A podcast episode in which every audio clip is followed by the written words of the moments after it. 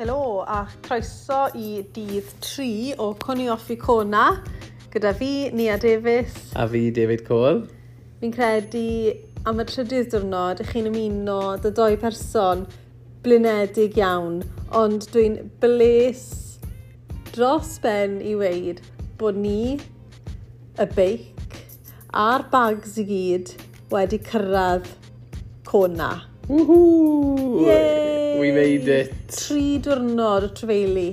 Do, so ar ddoi o'n i'n absolutely knackered nawr. A ni wedi bod i doi gwahanol time zone, achos mae'n ma ni tair awr tu ôl San Francisco fan hyn. So ar hyn o bryd mae'n 25 munud wedi saith. dyn ni fan hyn mas yn Kona, Hawaii. Yn y nos. A fi'n meddwl bod i 6am. Wech y gloch yn bore. Dydw i'n cwmpa ni gwedi 6 getre yn Cymru de. Ie, yeah, so basically, os byddwn ni getre, byddwn ni wedi all-nighter right nawr. Ie, yeah. so dechreuodd y dydd off dy fe, o ddoi ni di fynd i gysgu meddwl gynnar nithwr, ond o ti nis lan am 3 o gloch yn bore yn gym yr hotel yn San Francisco. Do, ti'n beth fi'n meddwl wedd e? Wedd, achos o'n i'n gwybod bod y lan fi'n mynd off am 5, oedd corff fi yn gwybod, oh, mae rai fi dyn bore bore fori. So bob tro fi'n dino, o'n i fel, oh, mae rai fi codi, mae rai fi codi. Ond actually, tro gyntaf di i lan, pan o'n i'n barod am y dydd, oedd e'n midnight. Ie, yeah, ond oedd yna meddwl, oedd i 8 o gloch yn bore, ti'n weld? Wedd, fi'n mod, exactly. So, a wedyn... Corffi'n cael dino fi lan. O'n i lan fynd. So, es ti'r gym am 3, des di nôl efo'n bedwar, a wedyn es i am bedwar, a nôl efo'n 5. Do. Hwn oedd Harry am bedwar fyd, so o'n i gyd lan, a eitha falch bod y flight wedi dod mlaen dyn ni, achos o'n i gyd yn barod i fynd. Oh, um, Helen Rodge, bag and baggage, Harry on top form, o'n i gyd on top form fi'n meddwl, o'n i? Wen, o'n i gyd. Yn bore. Um, a ath popeth yn reili... So, fi mor falch i weid yn gwahanol i'r flight a'r rysian a'r stres y dydd cynni gyda'r Virgin Flight, oedd yr United Airlines flight o San Francisco i Kona wedi mynd môr llyfn. Dethon ni hyd yn o'r ben a cael sit down a cael coffi fach a cwpl o pastries yn y maes awyren cyn, yn yr e-bot, e cyn bwrw, bwrw mlaen, dy fe? Drid yn yr airport ddo, dda. Oh my gosh. I wedi cael ei bwrw taro fyd gyda'r busnes o dolar yma. Tyn ni ddim bod mas yma Na. Ar adeg gwaith, mae fe'n pint i'r dolar, jyst o fod. O di, so... A beth fydd e? 70 ceinog i'r dolar? So os bydd rhywbeth yn 10 pint, oedd e beth i 7... 10 dolar, oedd e beth 7 pint gytre, ond nawr, os mae rhywbeth yn 10 dolar, mae'n 10 pint. Ond... Um, Wff, mae'n ma tough going. Mae popeth yn enfawr yn barod, gallu gweld na. Tewa, popeth yn yr, um, yn yr airport, oedd e'n y poson sy'n fawr, yr wraps o ti'n ti prynu, y, y salad bowls, just masif. Mm. Does e'n conan, achos fi'n joio'n fwyd, ond dillai, ti'n modd, maen nhw'n, uh, maen nhw'n tipyn o seis yn nhw. Sa'n meddwl maen nhw'n too bad, ddo, i gymaru ar rai llefydd yn America. Na, ond... Uh... Ta, sa ti'n gweld y byd to, David? Na, creiddon ni wedyn, dy fe, stadiol y car, oedd yr airport mor cool. Oedd yr e? airport mor cool. O'n i'n dod off wyren, a o ti'n, basically, oedd pobl yn eistedd mlaen aros i dod ar yr awyren, eistedd tu fas, mm. ar park benches, basically. Oedd e fel bus stop. As, oedd? Oedd e o fel bus stop mawr, ond mae swren oedd e. Oedd e- ti ddim i fynd mewn i building o ti. Na, byn i ddim yn agos i adeilad. A... a ond fod y pob un really gyfeillgar. A... Dath y bags off, dath y beic off. Ie, yeah, straight away. A y car tra bod ni'n aros am y beics. Dath y, dath y wedyn, gathon ni, pwy Kia wy fe, fel 4x4 Kia. Kia. Sa, byddwn ni'n disgrifio fe fel 4x4. Ond tipyn o seis, good boot, dy gael, se. Ond 5 door, di. Mae'n eitha bach. Aroses i wedyn, o'n i tua 20-25 munud o'r... Yn... Na, Do, o ddim gobeith i ni i cael y pimp o ni, y chwech suitcase a'r bike box mewn yn y Kia bach, oedd jyst ddim oh, gobeith o gwbl. So, nath Roger dreifo ni lawr i'r apartment gynta cyn dyn ôl i hôl ti o'r airport a gys ti ben cael y bike box yn y bac dyna gyda'r sets lawr. Set i lawr, fi a dad yn passenger a fan hyn mae condo ni ar rally drive a mae fe mor cool. Odi, mae'n really, really nice. Number one, odi, mae fe yn cool achos mae'n berwedig mae David. Ond mae'n really good aircon yn y condo sy'n essential. Load o lle yma. Mae real good Hawaiian theme, thema i'r... Dwi heb colli'r fel character na di e. Mae fe'n traddodiadol, ond ie, dwi'n credu. Ond pam dwi'n gwneud traddodiadol, sa'n meddwl bod e'n hen na byd fel la. Mae'n no, lyflu. Mae fe'n ma fe ffasiynol iawn, ydy e. Ydy, a ni ar yr ail llawr, dar apartment mawr ma, ond mae fel ar, yr, ar y llawr ground floor de, mae pwll nofio, mae loads o barbecues yn ei defnyddio, a os ydych chi jyst yn croesi'r hewl, chi ar y trath. So mae'r lleoliad yn arbennig, a fel wedi David, ni, ni ar Ali Drive, sy'n part o'r run course. Ydy, ydy, mae'r Ali Drive ar run course, so dis i ma, ath ni a uh, mam a dad a Harry i Walmart sy'n neud siop mowr am i ôl stwff am, am y condo de, i ni cael yn, i, i fita A es i mas a nes i 8 milltir ar hyd yr unrwt yn y gwres wedi tua 30 grad Celsius.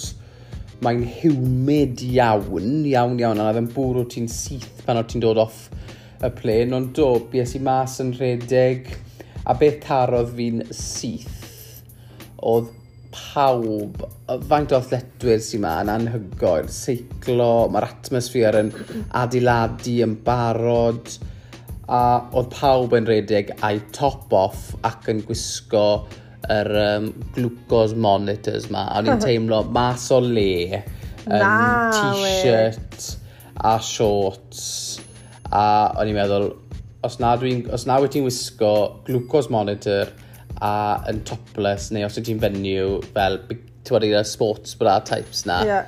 you're not really an athlete.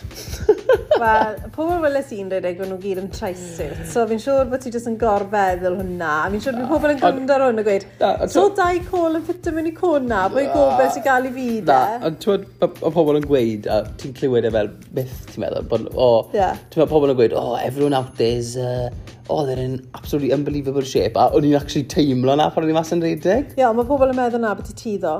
Wel. Ti yn unbelievable shape. diolch, Nis. Diolch. Diolch. And, Sorry, uh, I didn't mean to say that. Ond, uh, na, so, fi'n edrych mlaen, fi wedi cael dechrau cael yn bearings ar hyd Ali Drive, mm. a oedd Ali Drive yn mynd all the way i Caelw Cona, oedd hwnna'n tip bach fwy o dre, a fi'n fi, n, fi n dychmygu bod y bwrlwm fyna mynd i fod yn, yn briliant ar diwrnod o ras. Dim ond, a fyna mae'r swim start mynd i fod, byddwn ni'n nofio na di syl ni, so hwnna o'r fe, fi'n meddwl, y loads o fel rast, restaurants, bars, so ie, yeah, lle bach eitha, ie, yeah, cool. Cyn i ni benni, fi jyst mae'n siarad yn glai beth i bwyd, achos yn meddwl bod pobl siwr o fod yn diddordeb i gwybod beth ni wedi bod yn bita, So mae diet ni wedi bod bach yn, well, up and down, ydy e. Wel, bach dros y lle i gyd, achos bod ni wedi bod yn trefeili. Na, ond so ni wedi bita wael, mae'n bod yn gael wedi cadw trac ar beth ni wedi bod yn bita. Sim, sim fel cyn o breakfast super wedi bod eto. Na, se. na e. beth fi'n meddwl yw fel, achos ni wedi bod codi amser sili a trefeili, newid time zone. So ti'n gwybod, os ti'n bita brecwast, cynno neu swper, achos so ti'n byth yn siŵr ffen y glwch i fi. Anyway, nath ni i wel, Walmart, fel wedon ni, prynu bwyd. Oedd ddim lot o bwyd ffres na, so fi'n meddwl nath ni really good job o swper heno, beth ar beth with na, yn Walmart. Just fel bod pobl yn gwybod beth ni'n byta, fe? Ie, yeah, o beth i fi'n clywed wrth o ti a, a dad a mam, bod felly bod lot o'r athetwyr i bod am barod a bach i'r bananas, bach i'r pasta. Do, fi'n credu falle bod hwnna wedi digwydd, ond hefyd Walmart, sa'n meddwl bod e'n cael ei adnabod fel lle am bwyd ffres. Mae fe'n mwy o fel sort mm. of bulk buy kind of lle. A oedd loads o bethau wedi rhewi na, fel, fel os ti'n prynu fel brechdanau wedi creu yn barod wedi rewi. Mm. Neu fel burgers wedi rewi. A ta'n siarad beth i just a burger, fi'n siarad fel y burger wedi adeiladu. Fi'n siarad beth i cosont gyda burger a caws yno fe wedi adeiladu. Fel pethau fel un oedd na. Mm. So, anyway, fi'n meddwl nath ni really good job. Ni wedi prynu loads o stuff yn brecwast. Fi'n really edrych mlaen am yr um, blueberry bagels nath ni prynu. O'n i swper heno, nath Helen wneud ni pethau o'n i wedi ffeindio yn Walmart. Swper, really nice. Gathon ni chicken. Chicken thighs. Thighs wedi cwcan yn y ffwrn a wedi ffeindio yn y cwpwrt fan hyn bach o lemon pepper pepper wedi rhoi hwnna dros fe gyd gyda sweet potato fries gyda bach o spice yna fe. A sweet, mwyn i prynu sweet potatoes yn Walmart a di torri nhw lan mewn i corteri. A gyda peas a corn on the cob. Then, so lovely pryd bach. Oedd e'n briliant. Yn yr apartment yma, mae'r ma gegin yn briliant. Mae popeth at. Coffee machines a um, blenders, really, really well neu smoothies, mae popeth i, i gael ma, ti'n bod? Do, so prynes i frozen, prynes i, prynodd Helen Roger frozen berries i ti i cael smoothie, smoothie gyda. Ni wedi prynu llath, porridge, cereal, a to, mae mor galed i ffeindio por... All ti ddim credu pa mor galed oedd e i ffeindio porridge plain. Mae watermelon ma, fale. Gyd gyda siwgr wedi adrodd fe. Ie. A flavouring. So, just i ffeindio y plain oat so simple, o- ath y e straight mynd so, So, troli. Ar un beth ar t'od- cereal, mor, t'od- popeth mor felus. Nydych chi briliant siop. Dys i nôl o awr o redeg, treol cadw'r hat reit cyrial y ganlon rhwng 120 a 130 bits a munud a gweld sydd oedd y gres yn cymharu a effeithio y pes o ryn a ath hwnna'n eitha da. Faint o effaith gath yna? Dim lot heddi. Oh. Um, I ystyried fyd bod fi heb cael braidd ddim cwsg am doi mm. diwrnod, dwi'n jet lagged Um, oedd hi, mae yn 30 grad Celsius, humid, ond a ffyn eitha da, ni'n eitha bles, da, ca, carw'r cyrraedd garon tua 130, a oedd y pes dal average 7.09 minute miling am, am 8 milltir. O, oh, ti hapus dyna de? So, o'n i hapus na, des i nôl, fi di adeiladu'r beic. Um, am barod i mynd mas am, am spin fach ar y beic gweld sy'n mynd fori. Mae rhaid fi gweud, David, mae'r gres wedi bwrw fi.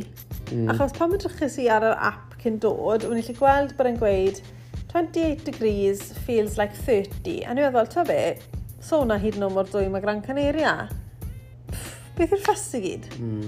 Ond ni wedi lando ma, a mae'n dwym. Mae fe jyst gres gwahanol, mae mor humid, a mae fe jyst...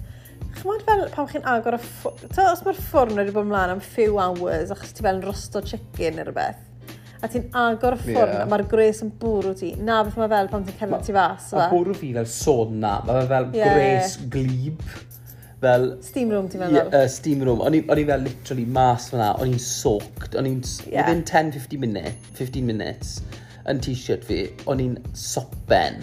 Wel, sa i fynd i wneud dim exercise heddi, ond ar ôl cario'r bags lan i'r stafell, o'n i'n absolutely dripan a wis.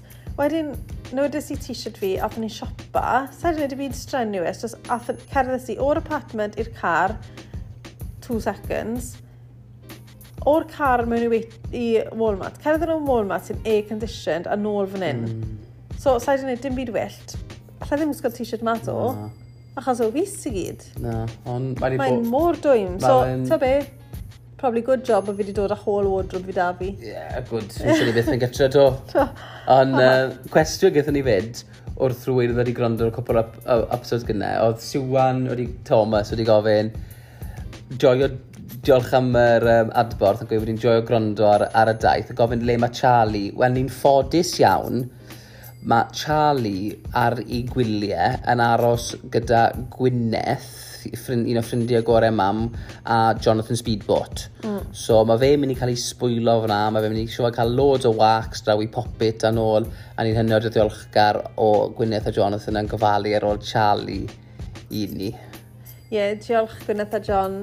A os oes unrhyw un arall gyda unrhyw cwestiynau, maen nhw moyn gwybod y biti i'r daith, rhywbeth i ni heb sôn am, a lycach clywed y byty, wedyn just rhowch gwybod. David, ni ddim yn siarad am cwarter awr. Ie, yeah, amser i fi mynd i gwely. A fi fyd. Mae'n mae 20 to 8 y nos, a fi ffili aros i bwrw'r pilo Ond yna. Ond fi'n absolutely byzan a delighted bod ni ma. A fi fyd. A fi'n ffili aros am gweddill y siwrnau fi, fi ffili aros i mynd i wneud bach mwy exploro a cael bearings fi. Sa'n meddwl sy'n dwi'n arall gael teimlad ma pan mae'n ar holiday, bod nhw'n ffili setlo'n iawn nes bod ti wedi cael dy bearings. Ges i bearings a fi'n aio lan cwpl o bethau fori, ond geith reina aros am y tro nes fori. Diolch yn fawr am gwrando. Nos da!